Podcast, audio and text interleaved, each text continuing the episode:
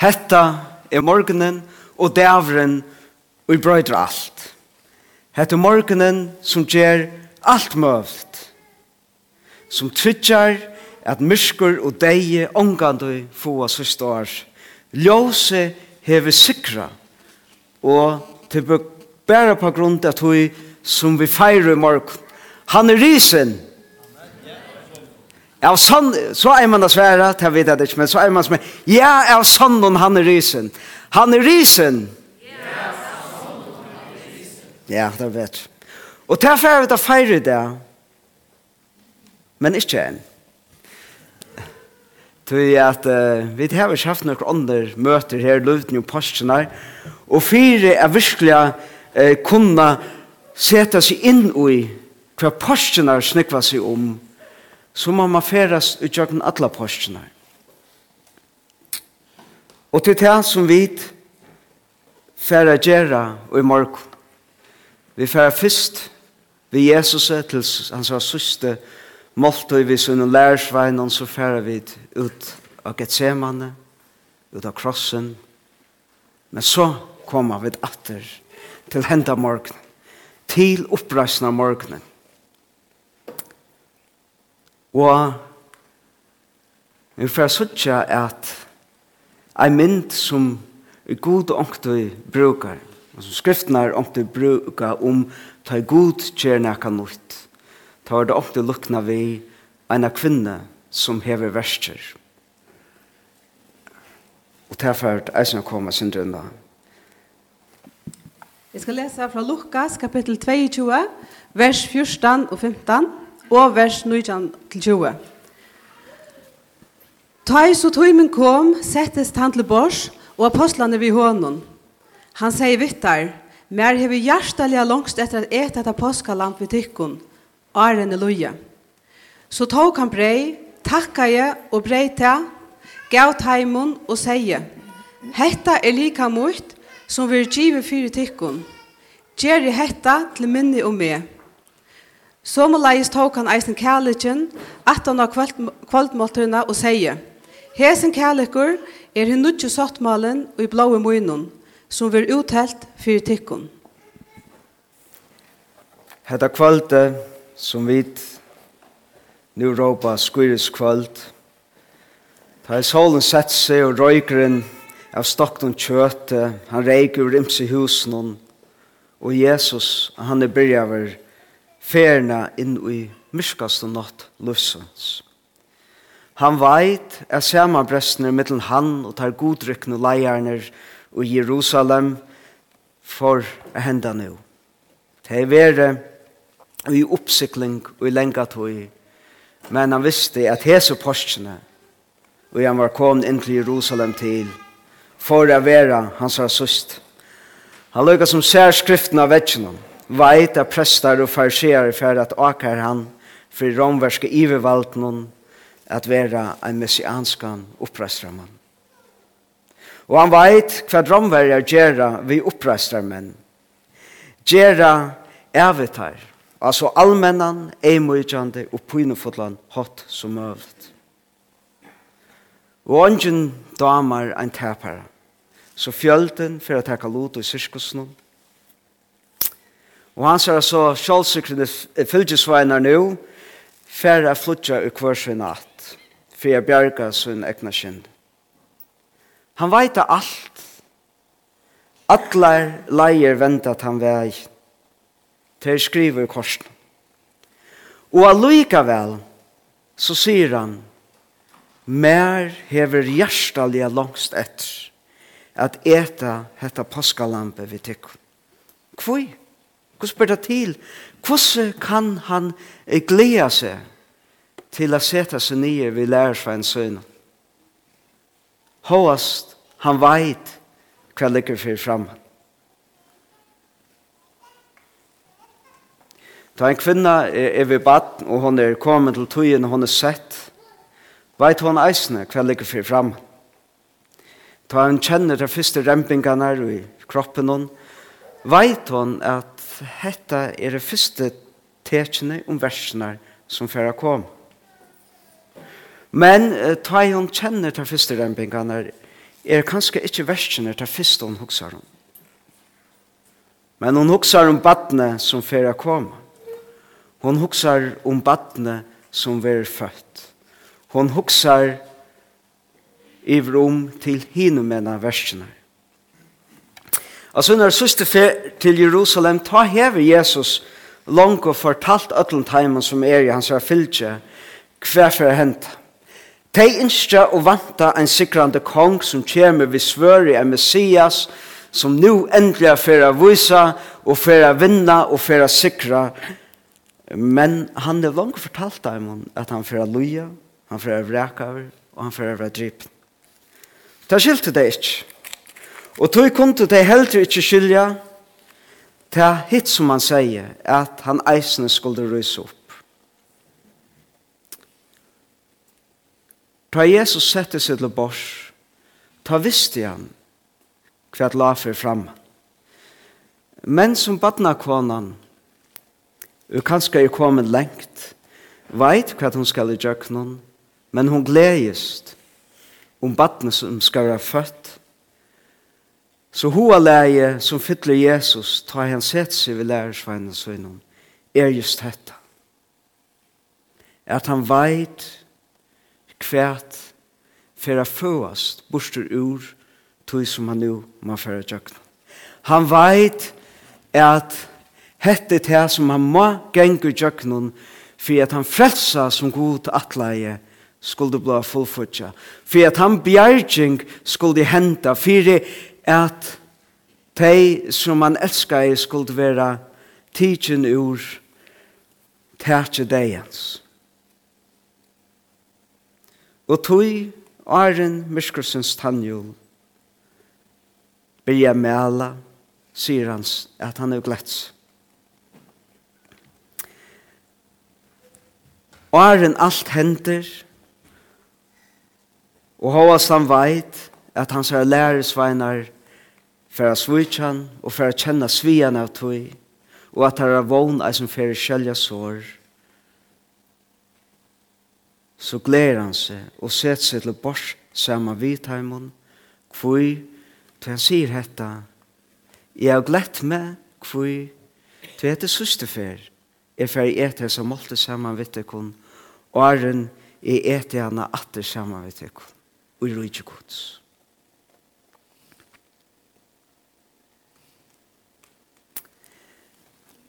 Men Jesus gjør noe mer.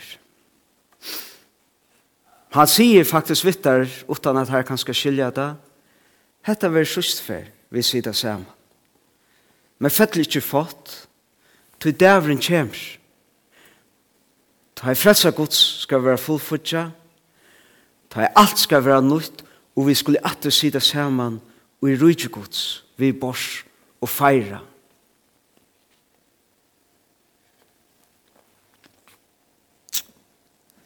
Men så gjør han etter av træt.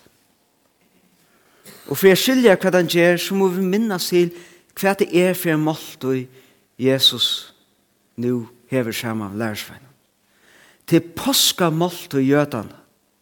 For jeg sier at det er helt stort, så er det målt og måltøyen, ta jødene myntest, hvordan god bjerga av teimen, utrela bonden Egypta, og Tog deg ut, fruja deg ut, tog deg ut i øyemersene, gjør deg en sattmala vitt deg, gjør deg deg til folksvitt, som skulle leve i en lande som fleite mjölkje og honanje, og folkje og ljós og frelses Gud skulle lyse i djøkkenen til Atlanheim.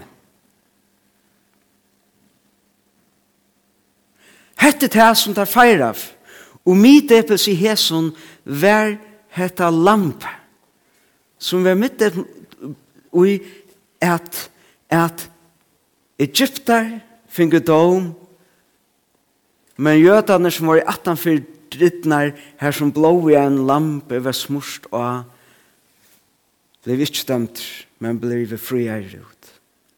Hette til som det myntest, og nu, og det atter livde under nøkron en høron valde romverjon, så var henda måltun ikkje berre ein måltun her dei hukte atter etter, hva god hei gjørst, men eisen frametter til dagen ta i god skulde bjarga til av nutjen.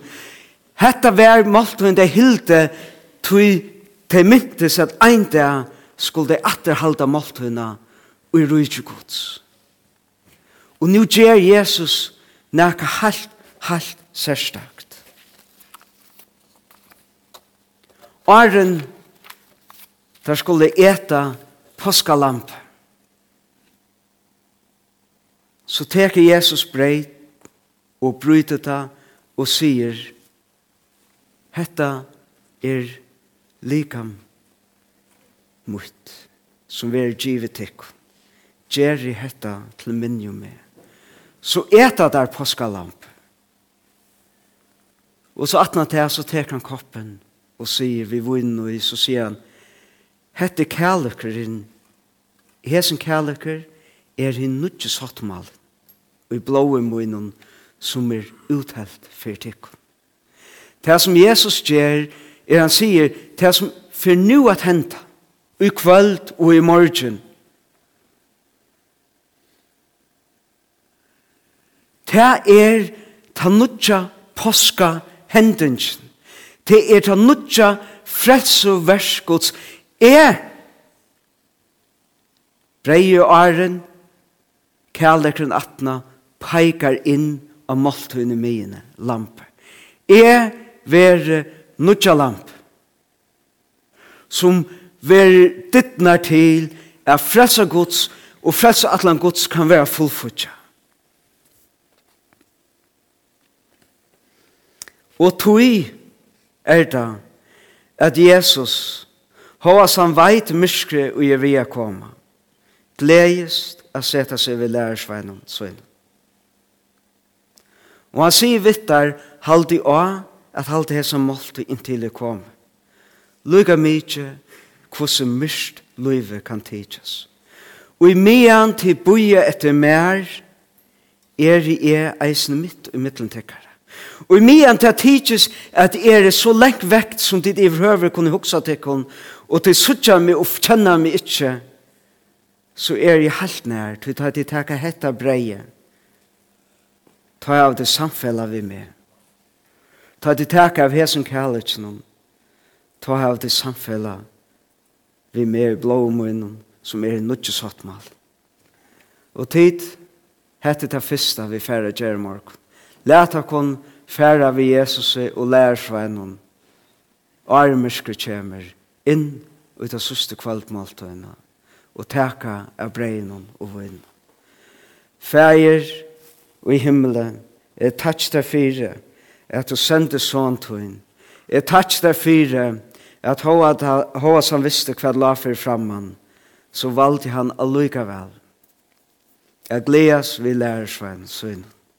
Jeg takker deg fire etter brei og vi nå takker av minner og nå like med tutt som er givet for jokken. Og jeg takker deg fire koppen vi minner og nå blåe som er i nødje sottmalen togjerst så vi kunne hava liv. Jeg takkje deg fire til samfellet vi tæva vi til vi og som minn. Amen.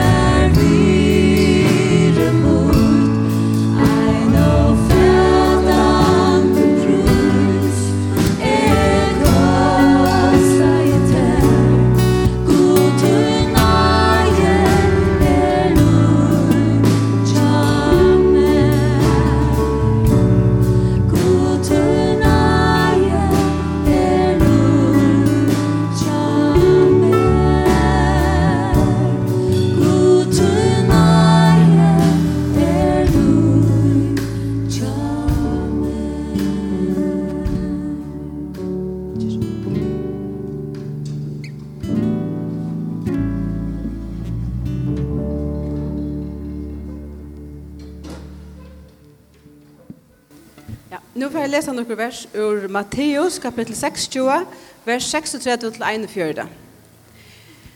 Jesus kom ta vitt heim til sted som et getsemane, og han sier vi lærersvennanar, Sete dykken her, men jeg fer her iver og bye. Han tok visse her Petor og boar siner Zebedeus, og han gjørtes tungur, og svar endjes kom av han. Ta sier han vittar, Salmon er ekvelja sorgarbunden, Halt til deia. Veri her og vært vimmer. Så får han et sindu langer, fattla anleis sutt og be og seie. Fæger mun, er det møvlet, så let han den kærlig færa fra meg. Tå, ikke som jeg vil, men som to vilt. Han kom til at til lærersvennerne og fant her sovande, og han sier vi Peter, så tid var ikke mentre vært jeg ved meg en tøyma. Vætje og bie, for at de skulle ikke falle i fresting. Anden er til reier, men holdet er veikt. Ein maver, som til kvinner vita, kan aldri til fullnar vita hva det er affære i jøkken verster. Og samme hatt halde helter ikkje at vi kunne nærkant til fullnar vita hva det er som Jesus får i jøkkenen ut i Gethseman. Men, en som er mever, og sitter vi ved bordarsandjene, kan suttja til som hans er elskar jeg fer i djøkkenen, ta jo eier, så kunne vi vi er ferda ut i Gethsemane, suttja nærka tog, hva det vil si, at tog som Jesus får i djøkkenen. Og i Gethsemane. Og ein og hver føying, lukka mykje om til den bøkstavlige, ta man føyre bad, etla føyre okkursnutt. Ta kjemur alt vi versk. Og lukka som ta en kvinna er bad, så er det nøkker ting som vi må fære jøkken og løyven noen Um, her vi don't ikke vel her. En kvinna og vi bad, Hon hever ikke vel. Hon må ha gjort sinne verst. Onker som er blitt sjukur, og må under skor, altså hvis det er alle livet, ja, men så må det være under skor. Her er hun ikke vel. Men så er det somme ting, og nok så nek i løyven her vi kunne velja om vi færre og gjøre avbjørnsene, og gjøre røntene, og gjøre pynene. Um, det er som føringren som nå setter seg fire er ferdig opp av Mount Everest. Han vet at hovast som folk er deg i en skalvalåpe. Han vet at det er vant. Han hever ferdjøkken og pøyne at trene og trolig som alle sånne topp utrettet folk gjør. Onker som er store atlaner, Jeg kan skal sete oks virkja som vet at det kan bli til nekva lenger og svøvnløse det er. Men en til ærar grund, så velja dei affære i jøkken til på inn. Og det er såleis at um, hva er det som gjør at vi av frien vilja vilja færa og jøkken rundt. Ja, men Til grunn av det som vi vanta vil urslit, hva føyes på skjort.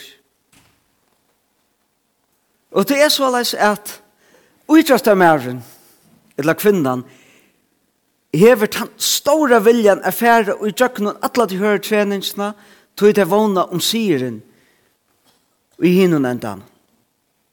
Og vågnen og viljen og innskje om er få han da syren er større en pynan til må fære djøknum med en det vennja. Etla folk og berjas fyrir fralse, samføringen om at det som det berjas fyrir er rett, er større enn tar vandar til køyra seg sjolvar, seg sjolvi utui. Og ei forelder som leiper inn og ei brennande hus etter bøttenen, her er karlægen større enn risikoen. Og i mean, ta Jesus sett seg til bors vi lærersveinen, så var hoa leie vente mot det tog som for å bli født. Så ta Jesus kommer ut i Gethsemane. Og minnes til at Jesus var menneske akkurat som vit. Han er i så mye kjensler. Han kunde bli bensjen som vit. Da han kommer ut i Getsemane, ta leitar horen til kostnaden som stender for framme. Og ta Jesus huksar om kostnaden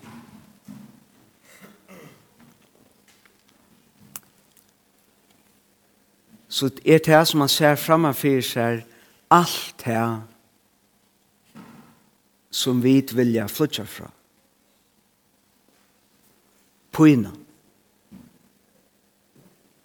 Så han skal være huflangt.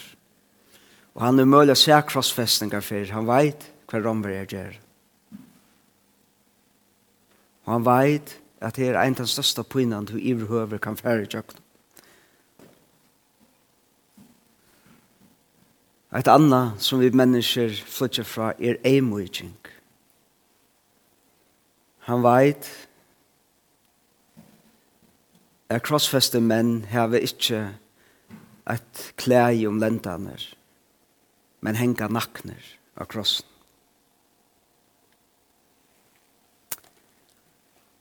Ongen av okkon vil vera vrekaver, men han veit at her atrunar leierner som skulle bjåen velkomna, og marloten av falskjennom, og skulle femtan for å spotta. Ongen av kun innskjer av ensamhandler. Men Jesus visste at skjolt hans er nærmaste viner for å renna ukvørsenat. og omframt til hever han kjent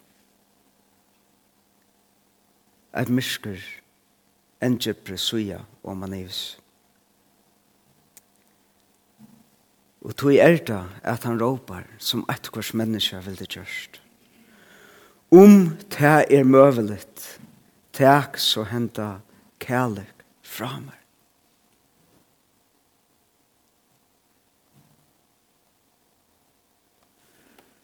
der verserna som Jesus er ser for framman, opplever han nu i forvantning.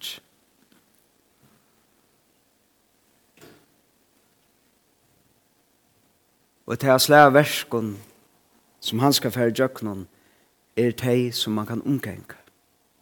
Fåta fetene av svojkjernon og mannen som er vi honom høres ikke enn i Gethsemane og han veit her nær. Og han råpar til færsvinn, om til møvlet takk så sønda kærlek framar. Han vil trøsta vir, ikkje av sønnen vinnen som er sjånær. Og så ofta til det som tar gjerra, hette for nekv, hette klara der ikkje. Det tinker for nekv, og jeg er ikke klar det, jeg vet ikke hvordan tid det er. Men det engjesten er store mer, så blir det lins. Sov. Halt tar var så lesa eisen.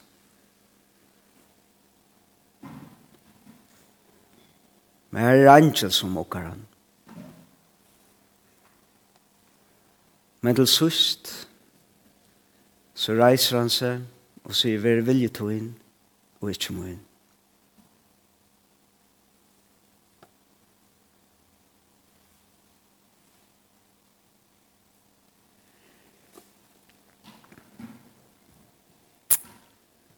Her byrjar alt, åren det byrjar.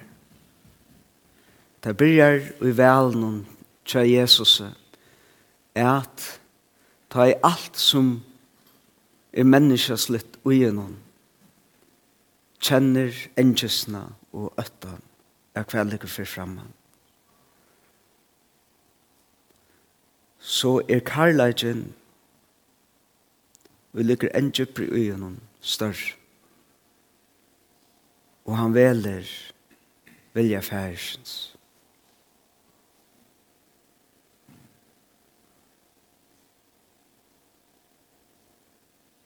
Hebreabra forteller okkon at vi tar en høvesprest som er rønter og atlan hot som vit. Tid. Lærersveinene megnar ikkje at vætja vi. Vi er aldri vit mengan, vegna ikkje er vært av vinen. Men han vakte, og han valgte, og hettet han høvesprester vid eie, som tar vi fer inn i okkar getsemane. Og tar vi fer inn i okkar getsemane, lukar mykje kvui, så er han her. Sjalt om myskri i økene er så størst, jeg vet ikke føle han, så er han her, og han vekker vi oss.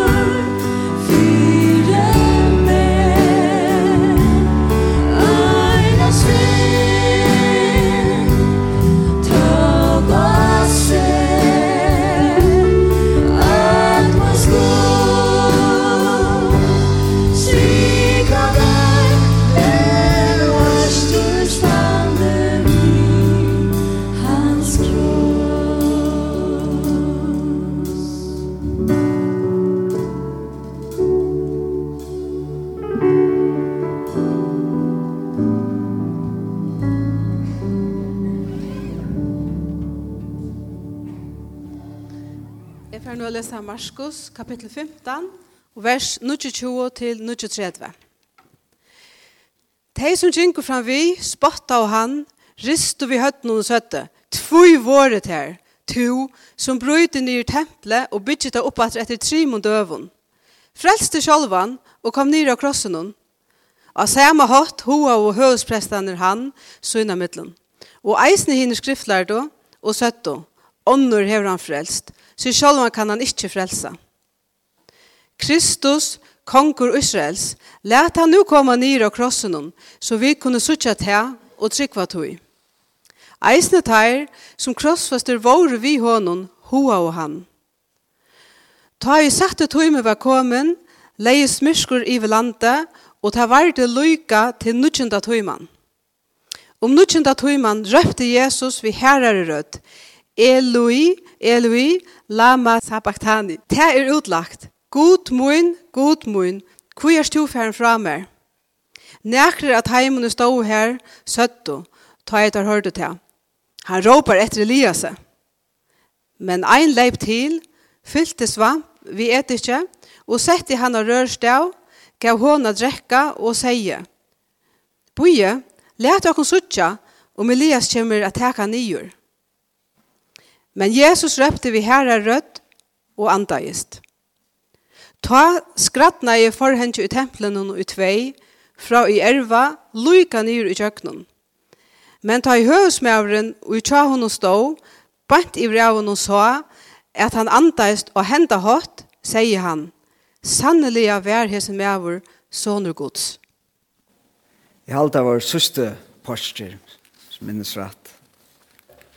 Da jeg vann, så jeg kom fra, hvordan romverja krossfest folk. Vi sørger alt myndnar av Jesus hengar rettelig høgt oppe i en krosse. Og vi hørte om, nei, faktisk ikke.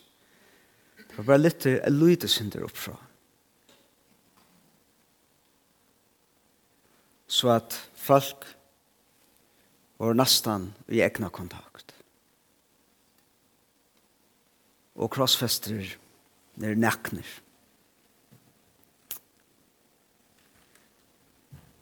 Til her vi møter Jesu i sin skriftbrotten som Annika just les. Judas hever er kommet ut ved mannen tja presten og satkeren og så framveis tar av tidsjan. tar av rafer seg ved romverjar og kommer til semje om at han skal krossfestast Han er sputtera, han er huflongter,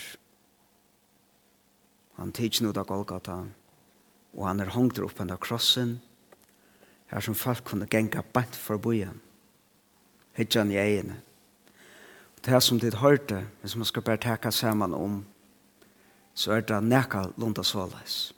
Hikka nu, nu honger du her, tuin Messias, Kom nu, kom nu där. Det är så fantastiskt. Anke nøye, anke miskunn, anke samkjensla. Bæg folk og tar andalige leier. Og vi søgner, søglinjener, her er vi så tar romverske hermenner steg og tuksa. Ja, så har vi et eisende attervust hver styrer her. Det kunne vi huske om lunch. Men det som vi vil til og se jeg det mer om er omframt alt dette som satt av tøym og middagsleit så suger et mysker seg over alt land.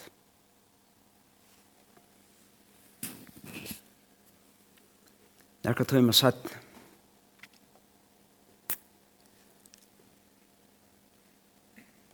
For råpa Jesus, God mun, God mun, kvui erst du færen framar. Ta var myskre tja Jesus er fullkom. Ta var han pura ensam alder. Sjálf god fæger hans herra, venti hon bætje. Så la støyra. Og tid hendan løtan hette er det myrskaste landarmali i godom. Så det er ikke så løs. Jeg vil ha en ytlan og kjeljan feir og en fittan elskelian son. Så er det ikke. Nei, det var karlæka noen kvør til annan. At det godon er feir sons som elskar over kvann annan og vi tar karlæka, vi bandi heila i andans, vi tar karlæka fyrir okkun valde hesa leina.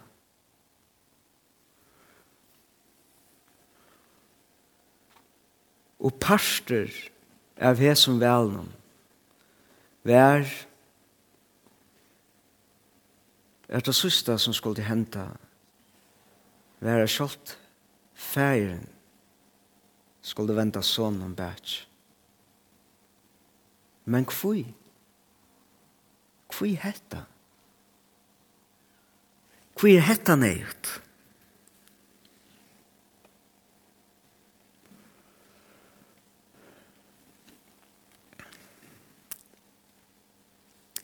Jesus tók allt okkara uppa seg. Alla okkara puin. Alla okkara synd. Alla okkara nei. Men det aller tøttene Mikkelas da han tok av seg var okra grunnleggjande lusvilkår. Det er her løyve og fjærstøy fra Gud. a livet her Gud ikke er.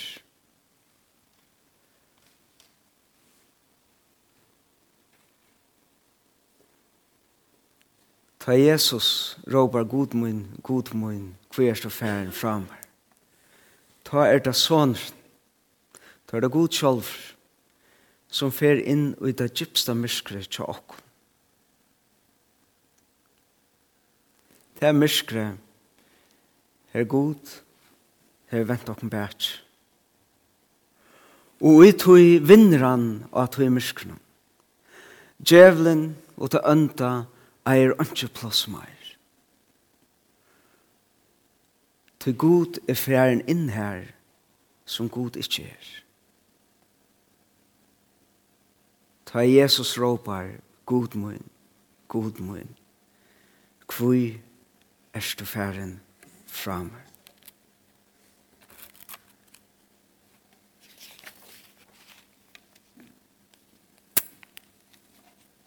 Løte sættene lesa vid i Marskos teksten til okkon, at han bare råpar okkurs harsht, og så døyr han.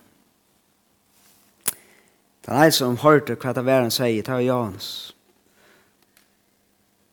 Ut til han døyr, råpar han, til fullkjørst, løy, fullkjørst. Han er uthongter som den store taparen, som skjoldt god hever vent bært. Men vi tog landa bryr næka. Åren nekar veit hva hender, så skrattnar forhenge. Heta forhenge som hei skilt nærver gods fra resten av falsknum. Feri tvei.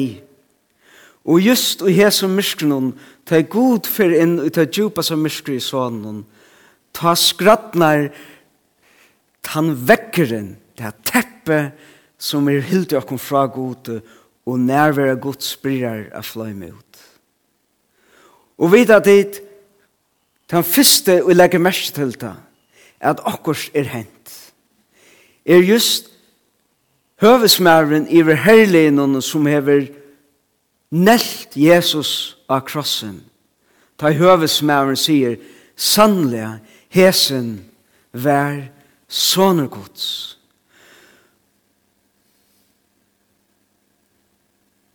Meira fyrir henta. Men det byrja i langkva at henta ta. Men arren vi færa om nekra få minutter er feira så leta hun først ekki av her. Vi får synge en fantastisk verkan sang om en løte. Han er, vi atla få henne førskånd, men her var noen ting som kom i veien, så det er ikke bare til. Vi synja en enskånd. det som arme færa fær, så let dere nå hula i om djupa karlaga gods. Ikke bare karlagan tja sånn, men eisen karlagan tja færen. Ta vi suttja deia, nakna, mannen av krossen, som öll hava vent bætj ta suttja vid karlaga gods og i allum tess vilskap. Ta suttja vid han god og i elskar okkun. Og ikkje fyrir jeg nyer gjer okkun, etla fyrir jeg få okkun, a føler okkun etla, men tan god, og jeg vilje til å gjere alt, lyka mykje hva det kostar.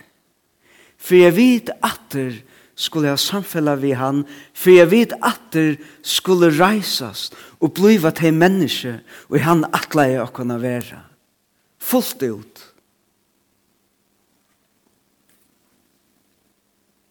Hetta er vittle karlage gods.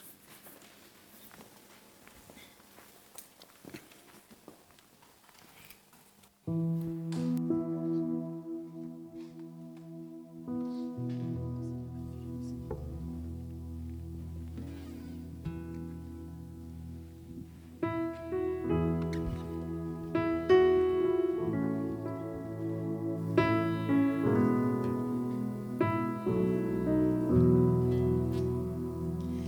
Here is love.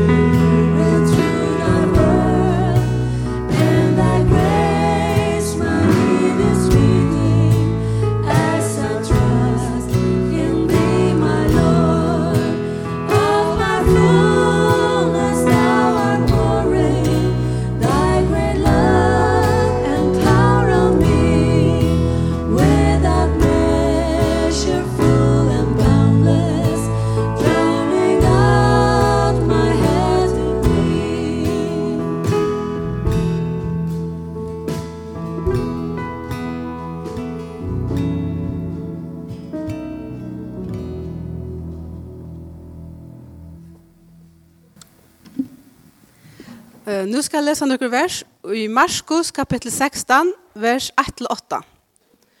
Ta i sabbatren var fjæren, kjepto Maria Magdalena, Maria, mor Jakob og Saloma, engande salvor til affær og salva han.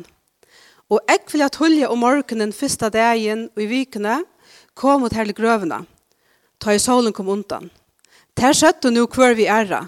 Hver skal velte okkur steinen fra grevarmunnen Men ta etter hukte opp, finner dere suttja, at steineren vær velter bostur. Han var ekvelig stårer. Og ta etter kom inn i grøvene, så ut her ungan mann, og i sujon, kvitun, klævun, sita høyrumein. Og ter rattost. Men han sier vittar, reist ikkje, Tid leita etter Jesus ur Nazaret hinnom krossfesta. Han er risen opp. Han er ikke. Hitja, Her er steget. Her tar løttu han. Men færre av sted, sier vi lærersvenner hansara, og vi Petur, at han får undan tikkun til Galilea. Her skulle de suttje han, som han jo sagt tikkun. Ter fóru ut og flytte borster fra grøvene. Tui bivan og rassla var komin og at her. Og ter søttu og neka, tog ter øtta ost. Det er ikke tilvind alltid at det var vært nekka kvinner som kom først ut av grøvene.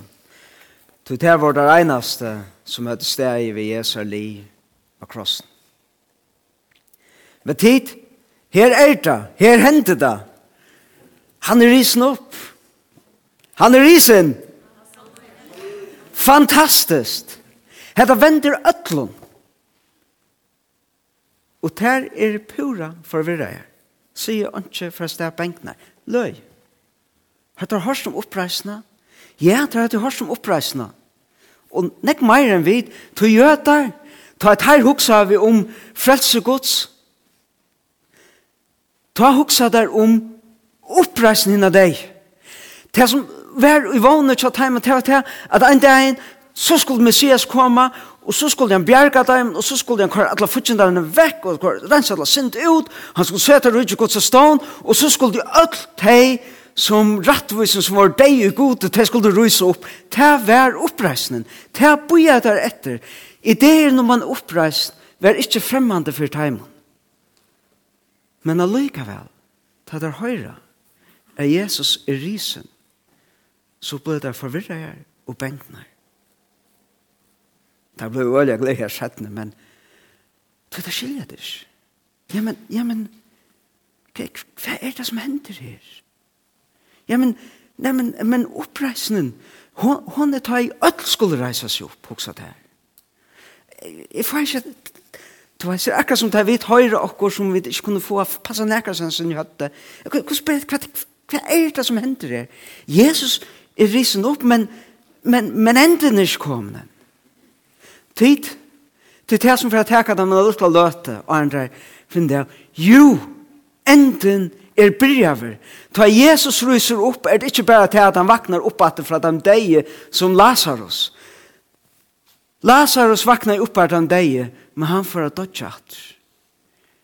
Jesus, oppreis Jesus her, vær fyrsta frukten som Paulus sier, er at du som gjøtar byrjaver etter. Og hetta vendi alt av høttet Han som var punter hei ratt. Han som er eimukter vil setter i hasete. Han som er spottaver var prekvaver at han hei ratt. Han som døye levde. Han som får inn i myskre. Inn i syndene. Inn i stegi her i god ikkje er. Sprongte dyr og omstøver deians og reis opp til et evig liv. Ta framtøyen som god hever for ætlun sinne til. byrjar i Jesus. Og til tøy er myskre for kristen omkring for du som står. Jeg lykker mye hvordan mysk og myskre av krossen å være. Lykker mye hvordan mysk myskre og i livet noen til åkken kan være så eier det aldri til sista året. Nei, vi har lyftet om at han og vi får inn og i alt det ringaste og vi kunne iver høver og imynda okkur. Han vendte til alt og hødde ta han reis opp. Og reis opp til liv. Og hette vånen og i vid eia. At han er risen og tog er alt møvlet. Og til det som vi feirer i morgen. Han er risen. Ja, og sånn han er risen. Han er risen. Så færdes ikke.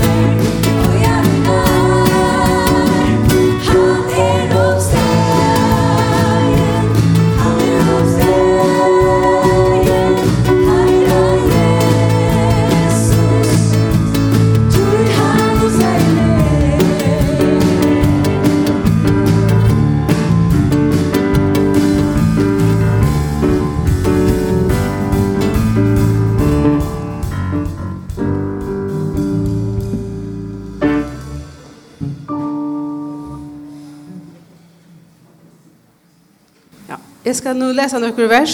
Først ur Matteus kapittel 28, vers 18-20, og så gjerne ur Rombraunen kapittel 8, vers 15-23.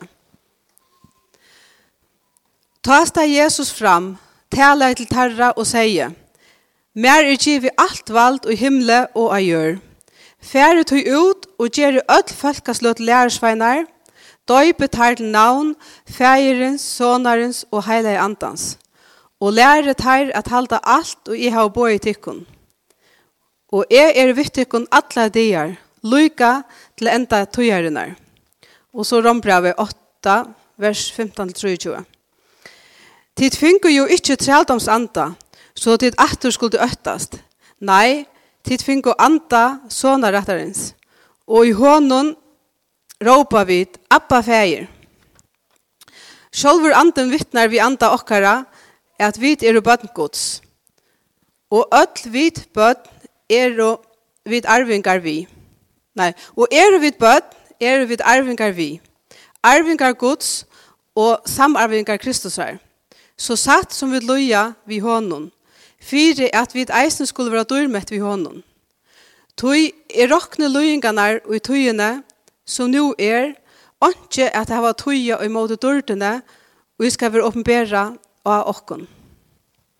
Skapningen troar og stundar jo etter åpenbæring Guds badna. Skapningen var jo lagter under fafongt, ikke ved vilja søgnon, men fyrir hans skuld, som leie han under hana. Og i vånum er skapningen vi skal være løster ur traldomme, for gongelig leikans, til dårdar fralse Guds badna. Vi vita jo at atler, atler skapningeren til saman soffar og hever verster loika til nu. Og ikkje best han, eisne vi sjolv, som hever frumgråur andans, eisne vi soffa vi okken sjolvun, og stunda etter sånaratten, endurløysing likams okkara. Nu, arm vi færre enda, ein hulaing av træt. Jesus reis upp, merker ikke bare at han livna i oppater, som vi tar det, men han reis upp inn i til frelsene, som god atlar okkon ötlun. Hetta merker så eisne at, som Paulus sier, at at oppreisen Jesar er fyrsta frukten av einun nekv større verleik. Hva mersker dette? Jo, det mersker bæge til er at det som er byrja nu og Jesu morgon. Det er for ein dag er vi er fullfutja. Ta frelsan som breit alla karmanar, vendi öllna ötluna høtte, ta Jesus reis upp. Ein dag skal han fylla alt. Og til dævren vid boje etter. Men til eisen meiren til. Tan verleikin som vi boje etter til han verleikin som nu er byrjaver og jes.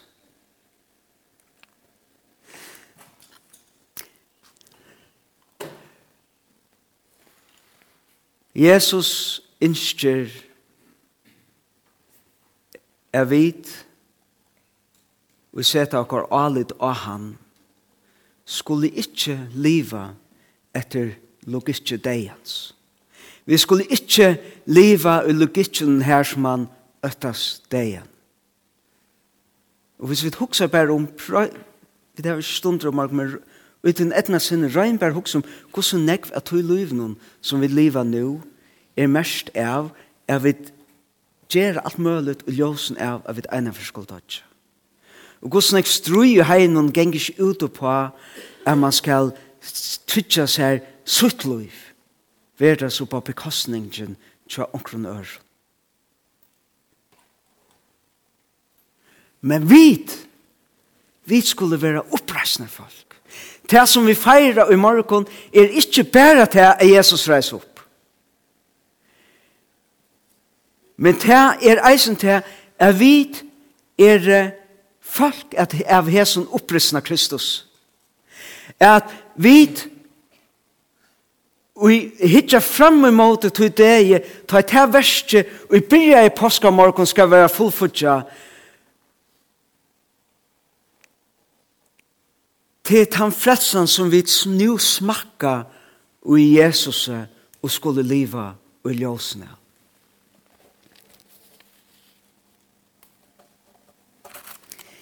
Jeg vet ikke hvordan alt til jeg fer fram, nekva teorier om enda tog alt mulig anna. Jeg veit ikke. Men jeg veit at dævren kjemer ta teg som vi okkara gjør, er det sel, er det fatakke, og ikke det ruik.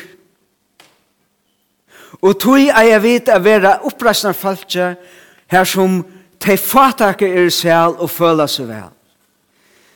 Jeg veit ikke hvordan alt teg som syrja, vi skulle hjelpa dem nu på hver måten og hver løsning, men jeg vet at dævren kommer, ta i teg som syrja skulle være trøsta. Og tog som et oppreisende folk skulle vi være teg her som teg og syrja kunne finna trøst. Jeg vet ikke hvordan vi skulle få ætlenteimen som hungra i det. Men jeg veit at ein dag skulle til være metta, og tog skulle vit være et, met, et folk, her som folk være metta. Jeg veit ikkje hvordan alt hei u, og i innskja rattvise her i heimenon, og hava sturs fyrtøy, og summe hava er dei utan nekra til seg men jeg veit at dævren kjemer, det er alt hei som hava tysta og hungra etter rattvise skulle være metta.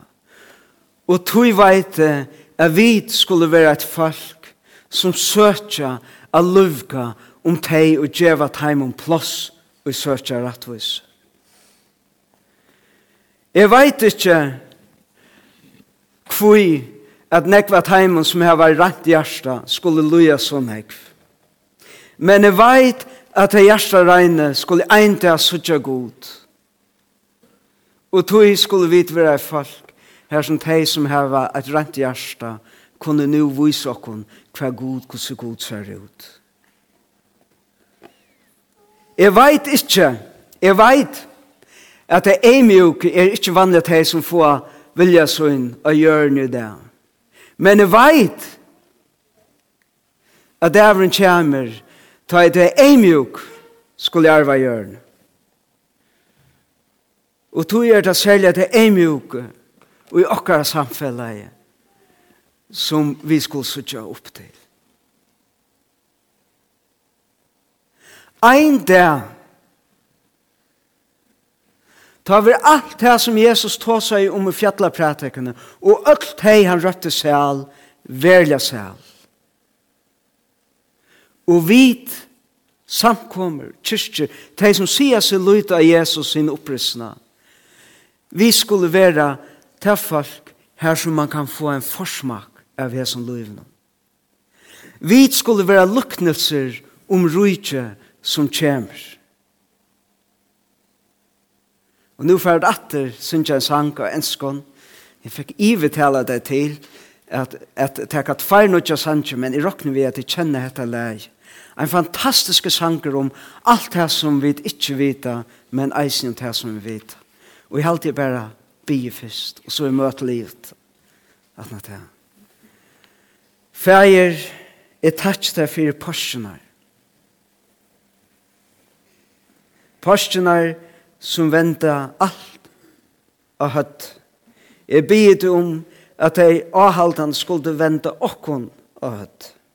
Jeg takk deg for porsjoner som gjør alt møvelet. Og jeg bygge deg om at som vi fer ut, henta påska morgon, at vi meir og meir skulle vera fenga og tidsin upp i hesa søve og vera møvuleikans folk, her som folk kunne få en forsmakka tog som kjemur. Amen.